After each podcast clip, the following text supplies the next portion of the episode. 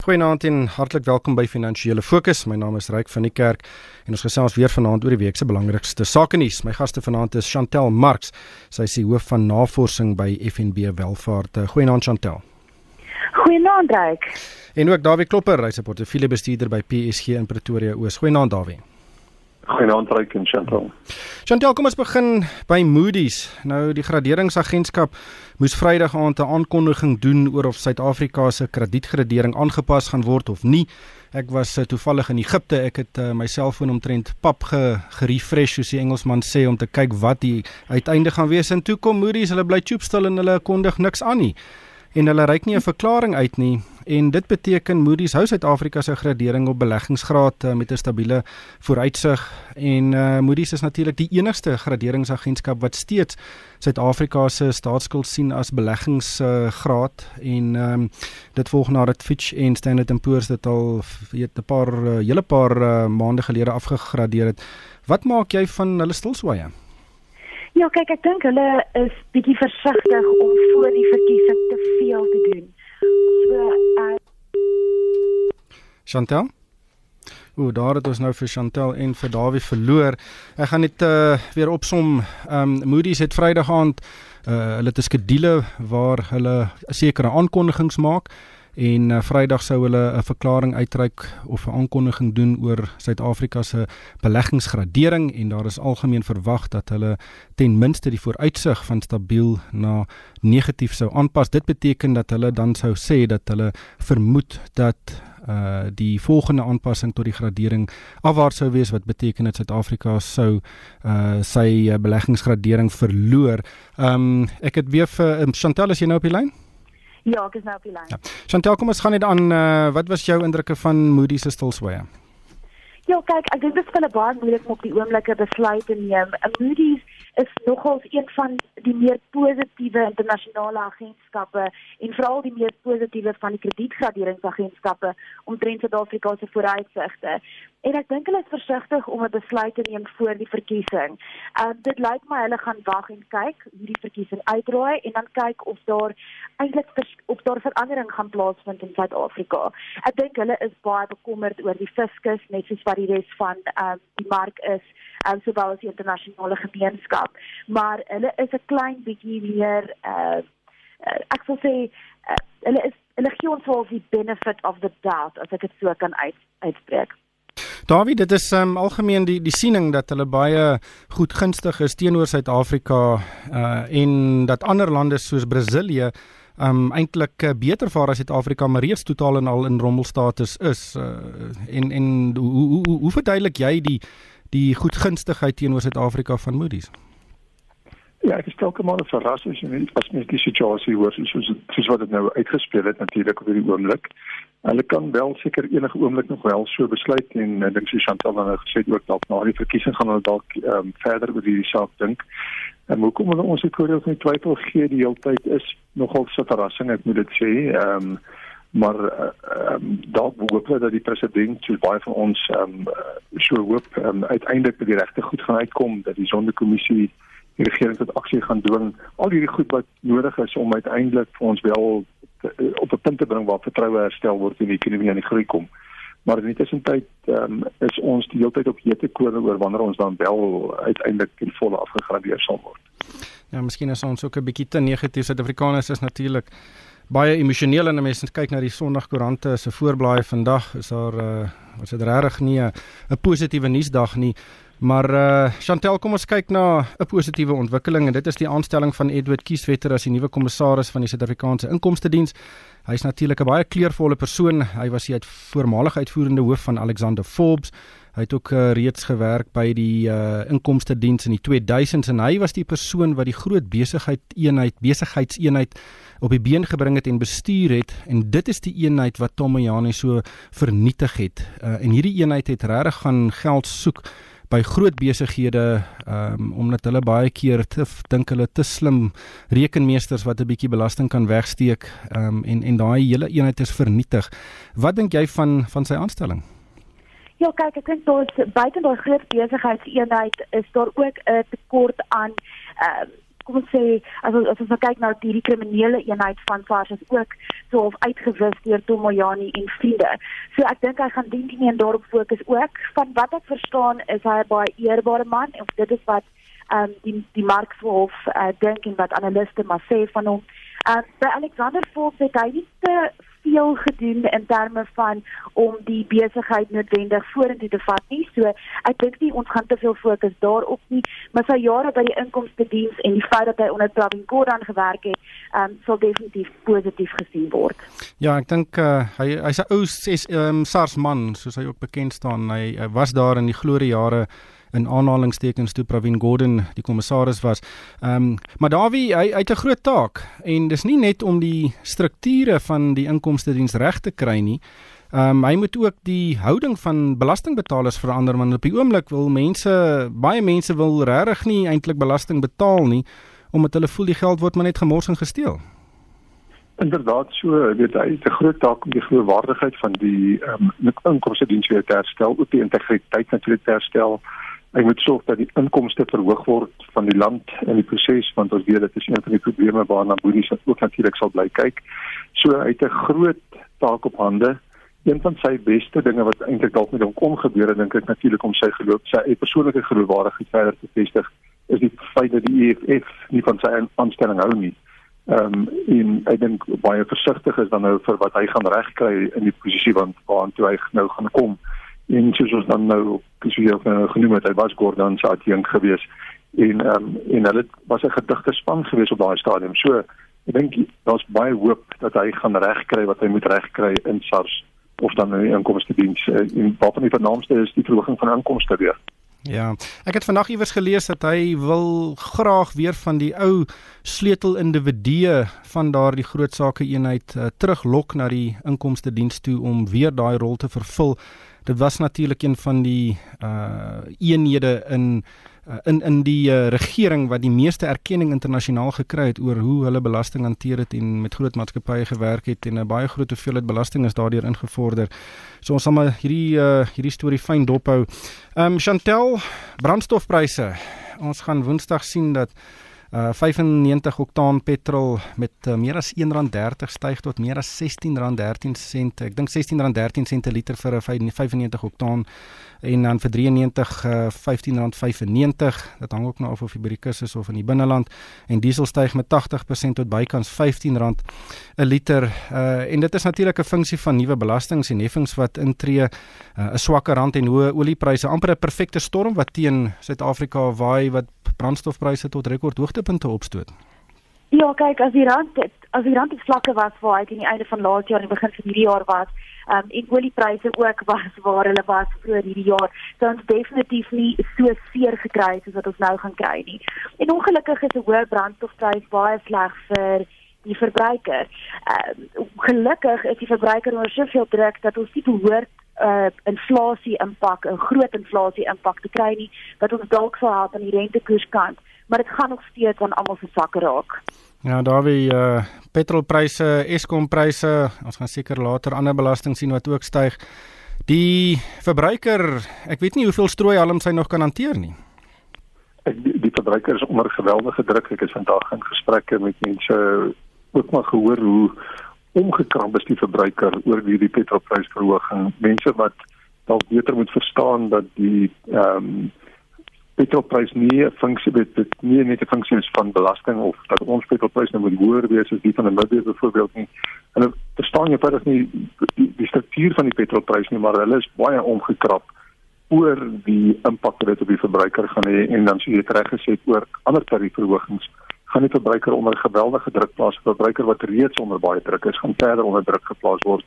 En dit maak dit baie moeilik ehm um, vir die ekonomie, vir daardie aspek van die ekonomie om te kan begin groei op hierdie stadium. Ja. Chantal, ons het ook 'n rentekoers besluit die week gesien. Die rentekoers is onveranderd gehou. Dit was algemeen verwag. Ehm um, maar wat wat is die vooruitsigte vir inflasie en en wat dink jy jy, jy het nou vroeër gesê jy dink nie verbruikers ehm um, dit sal 'n groot inflasionêre impak hê nie, maar dit sal in dit behoort 'n invloed te hê op uh, meeste produkte wat ons sien.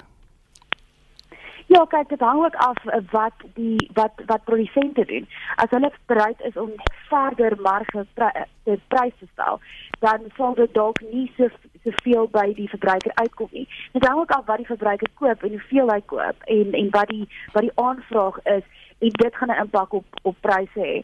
Op die oomblik lyk dit asof inflasie die die inflasie eigenlijk so gebalanseerd is en die Reservebank dink ook so. Ek dink die die kritiese punte op die oomblik lyk my gaan meer geadministreer ge Chantal Ek dink ons het daar verloor. Dawie, kan jy my hoor? Ek hoor jou. Ek het 'n hele paar gremlin. Chantal, uh, kan jy net jou punt klaar maak? Ons het jou daar vir 'n oomblik verloor. O, jammer. nee, soos um, ek ek het gesê dat die uh die inflasie die die die uitkyk van inflasie is so min of meer gebalanseerd. Risikopunte is maar 'n swakker rand. Um dit behoort dit sal dit sal oor die hele ehm um, oor die hele mandjie impak hê en dan ook ehm um, kostes soos elektrisiteit uh, as ons dieder begin betaal vir water en as ons dieder begin betaal vir vir vir meer vir mediese sorg. Ek dink daai daai verbruiker is onder soveel druk dat jy gaan dalk daai verligting nog hê. Hmm. Ehm um, maar dit dis maar moeilik om te sê omdat die rand so groot impak het. Ja. Ehm um, Dawie uh, in Amerika het die opbrengskoerse op die 10 jaar staatseffekte gedaal tot onder die opbrengskoerse van die 3 jaar staatseffekte. Nou ek wil regtig nie te tegnies raak nie. Ehm um, maar dit is 'n baie belangrike gebeurtenis omdat dit daarop dui dat uh, daar algemeen verwag word dat die Amerikaanse ekonomie stadiger gaan groei en dalk in 'n resessie kan verval. Ehm um, nou natuurlik dat uh, word ook nou al deur baie ontleeders genoem as 'n risiko vir die Amerikaanse ekonomie ehm um, oor die afgelope paar maande. Uh wat dink jy kan dit vir die dollar beteken omdat dit natuurlik so groot invloed op ons wisselkoers gaan hê?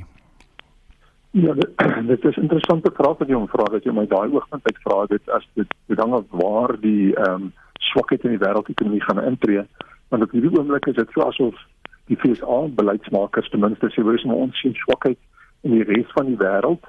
Ehm um, ons die feit dat ons effekte koerse afkom, die feit dat ons dan in hierdie inverse opbrengskurwe het, soos wat jy genoem het, ehm um, is 'n refleksie meer amper van ons vrese oor wat in die res van die wêreld gaan gebeur. Die handelsoorlog met China besprake, die Duitse ekonomie wat onder geweldige druk is, Brexit wat nou nie gebeur kom wat wat nie wat nie afgehandel kom nie. Al hierdie goed het 'n impak op die algemene sentimente in die wêreld.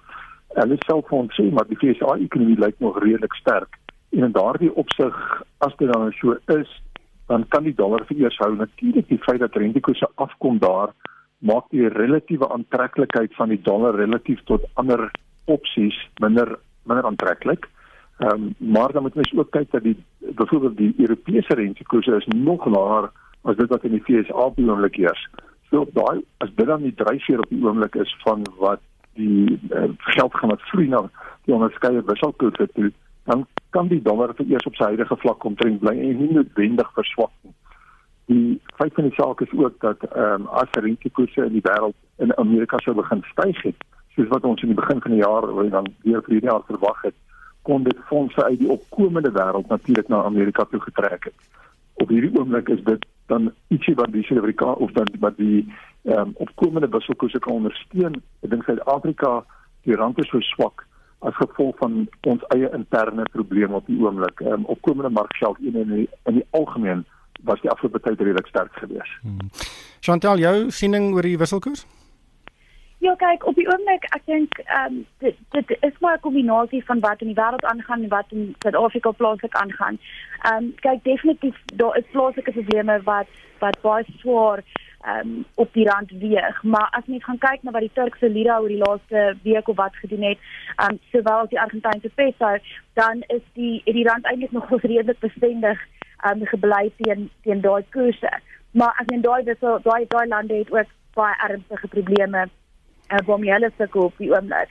Ehm um, in terme van die res van die wêreld, ek dink ekonomiese groei is nie net die die die groot drukpunt daar.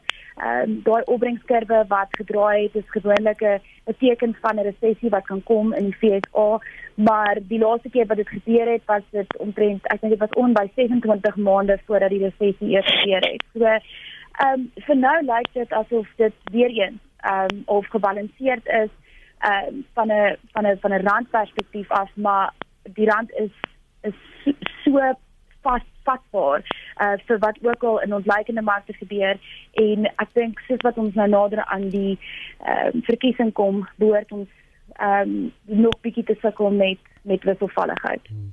Davie net laastens uh, Discovery Bank het hierdie week sy lint geknip. Uh dis natuurlik uh die bank van die Discovery groep. Daar was al lank gewag vir hierdie bank en uh dit volg nadat Time Bank uh reeds sy digitale deure oopgemaak het so 'n paar maande gelede en uh, Michael Jordan se Bank Zero binnekort sy digitale deure gaan open. Uh wat dink jy van hierdie ontwikkeling en wat beteken dit vir ons bankbedryf?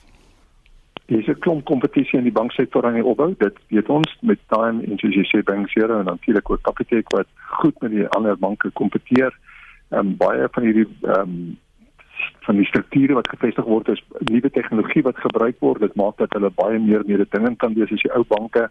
Hierdie bank Discovery Bank het wel gesê dat hulle sal uiteindelik 'n 'n 'n 'n 'n volle 'n funksionele bank wees wat teenoor uh, um time in in dan banks hier wat meer met die tegnologie uh, uh, op 'n tipe uh, bedryf gaan word dit gaan interessant wees hoe dit ontwikkel natuurlik ek dink Discovery gaan 'n bietjie die hoër inkomste groepe teiken aanvanklik wat ons wel weet is is dat Discovery het gesê hulle gaan 'n gedragsgerigte bank daarstel hulle gaan kyk hoe mense se gedrag en jou dan op 'n manier beloon dit maak natuurlik dat die hele bank 'n komplekse bank word soos wat die Discovery reeks produkte maar is.